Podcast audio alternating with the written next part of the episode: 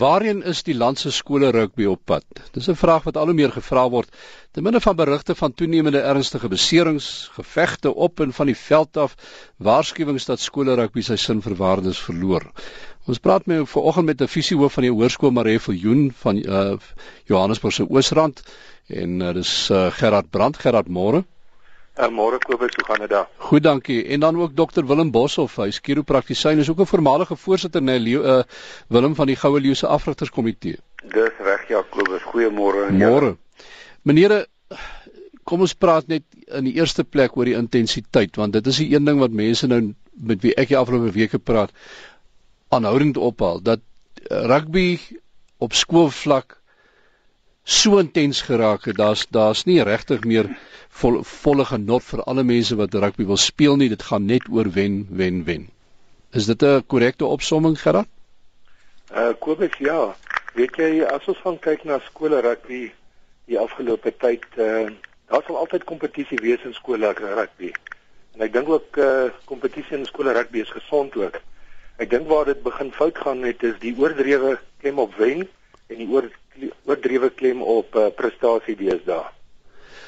daarmee saam Willem 'n ding wat vir my opgeval het uh, en waaroor daar baie gekla word uh, mense wat op die vlakke na skool selfs um, afrig wat sê maar weet jy daar's nie vaardighede nie. Die ouens kom deur die skoolstelsel en hulle speel stampkar rugby. Hulle verstaan nie van van die fynere vaardighede van uh, wat wat wat vereis word in rugby nie. Ja Kobus dis 'n dit is 'n baie belangrike uh, punt wat jy nou daar meld. Jy weet uh, binne die die goue leeu's het ons die konsep probeer bevorder van 'n uh, uh, afrigteropleiding en spesifiek afrigteropleiding in vaardigheid. Daar is baie afrigters wat wat ehm uh, sê maar die gameplan ehm uh, uh, aan aandag gee en werk met die gameplan. Maar vaardigheidsopleiding uh, behels meer die die die basiese vaardighede wat benodig word om rugby te kan speel. Hoe tackle jy reg? Hoe skop jy reg? Hoe hardloop jy deur 'n gaping? Hoe draai jy as jy in 'n gaping gaan? Hoe presenteer jy die bal? En ek dink as daar meer aandag gegee word aan daai punte, uh uh en ek weet nie hoe mense dit gaan inkorporeer om om rugby meer uh, aantreklik te maak op skoolvlak nie. Maar as daar meer aandag gegee word aan vaardigheidsopleiding, gaan dit baie beslis ook inspel op die voorkoming van beserings. Ek dink ons is te veel gestel op die spel en die spelpatroon en die prestasie en, en net die wen en nie die ontwikkeling van die speler nie. Gerard was deel is deel van die probleem nie dalk dat die die mikpunte ver, uh, verkeerd geraak nie dat rugby te veel van 'n prestige ding geword het vir baie skole. So hoe sterker jou rugby span, hoe groter is jou aansien in die gemeenskap. Uh en en dat dit vir party skole miskien al net oor die wen gaan nie. Ja, weet jy Kobus ek stem heeltemal jy met jou saam. Jy weet uh rugby het professioneel geword en so toe so doen dit dit ook afgewentel na ons op skole vlak. Jy weet uh ehm um, as ek kyk Um, ek is self ook betrokke by werwing vir seuns by ons skole. Ehm um, wat die verwagtinge is by laerskoolseuns wat wil na hoërskole toe gaan en dan ook weer die verwagtinge van hoërskoolseuns na universiteite met al die reekse en kompetisies daar en dan het dit werklik waar nou 'n professie geword en 'n beroep en kinders kan al op skool ehm um, begin geld verdien met rugby. So ek dink dit is ook maar deel, deels van die probleem in rugby op hierdie stadium. Dit beteken dat dat uh, rugby miskien 'n bietjie koers verloor het want uh, die mikpunt kan tog nie wees om net op skool te wen nie. Moet die mikpunt nie juis wees om die, om kinders deur 'n stelsel te kry dat ons op die ou einde wanneer hulle volwassenes is en senior in die so, senior sportkringe ongeskonde wil ek amper sê daar uitkom met al die vaardighede om die land dan internasionaal dan op die kaart te plaas met met uh, Springbok rugby en die tipe dinge. Jakobus, weet jy, Ehm um, ons uh, primêre werk as uh, opvoeders en afrigters by die skole sou ek sê is om kinders eerstens bloot te stel aan die spel, hulle liefde maak vir die spel en dan hulle vaardighede uh, sodanig te ontwikkel om vorentoe dit te kan geniet, jy uh, weet sonder die onnodige druk wat op hulle geplaas word. Maar dit is ook maar so dat jy weet uh, as hy op 'n veld hardloop dan uh, hardloop hy op om te gaan probeer wen, jy weet uh, maar ek dink dit is maar net die wen wat bietjie uit uh, uitverband geruk word op hierdie stadium. Ja, maar as jy nou daar opdraf en jy's nou nog 'n seun wat nou nog 'n beurs gekry het om by 'n bepaalde skool te gaan gaan leer, uh omdat jy 'n goeie rugby speler is, dan draai jy daai druk op jou skouers met jou saam en dan nog die verwagtinge van paas wat graag graag wil hê hulle seuns moet uitblink waar hulle dalk nie uitgeblink het nie. So daar's 'n hele klop goed Willem wat op daai kind se se nek rus wanneer hy op die veld draf op die ou ende. Kobus, dit is so waar wat jy sê daaroor. Jy weet, uh uh ons sien dit in in in die behandeling van sportbesering waar die druk van ouerkant af so ongelooflik is op daai kind waar die speler regtig nie kans kry om te herstel nie. Jy weet om 'n besering om om om 'n kind oor 'n besering te kry is een ding, om hom die herstelperiode te gee na die tyd dat hy wel kan herstel om weer te kan deelneem. Daarvoor het die mense nie geduld nie. En dis waar hulle die kinders te vinnig weer probeer druk terug na die sport toe en die besering word nou herhaal 'n uh, herhaaldelike besering en en uh, dan kom die kind nooit oor daai ding nie en hy kom hmm. nooit tot sy volle potensiaal. Hy ontwikkel nooit tot sy volle potensiaal nie want hy sleep hierdie anker saam met hom. Waar lê die oplossing? Ek weet in uh, Frankryk byvoorbeeld speel jy nie skole rugby nie. Jy begin rugby speel wanneer jy 15 jaar oud is by 'n klub. Uh, tot dan speel jy sokker. Um, ander lande weer het stelsels waar hulle uh, eintlik vermy dat die kinders in ernstige kontak met mekaar kom dat hulle eerder daai vaardighede leer om kontak te vermy. Uh, is daar 'n manier waarop mense hierdie ding in Suid-Afrika gaan omdraai of is ons nou maar in hierdie in hierdie drukgang? Goeie ek dink ons is in 'n drukgang nie sou hoor en dit dit dit gaan 'n hele mindset verandering kos om om om die konsep te, te verder te vat na na na vaardigheidsontwikkeling.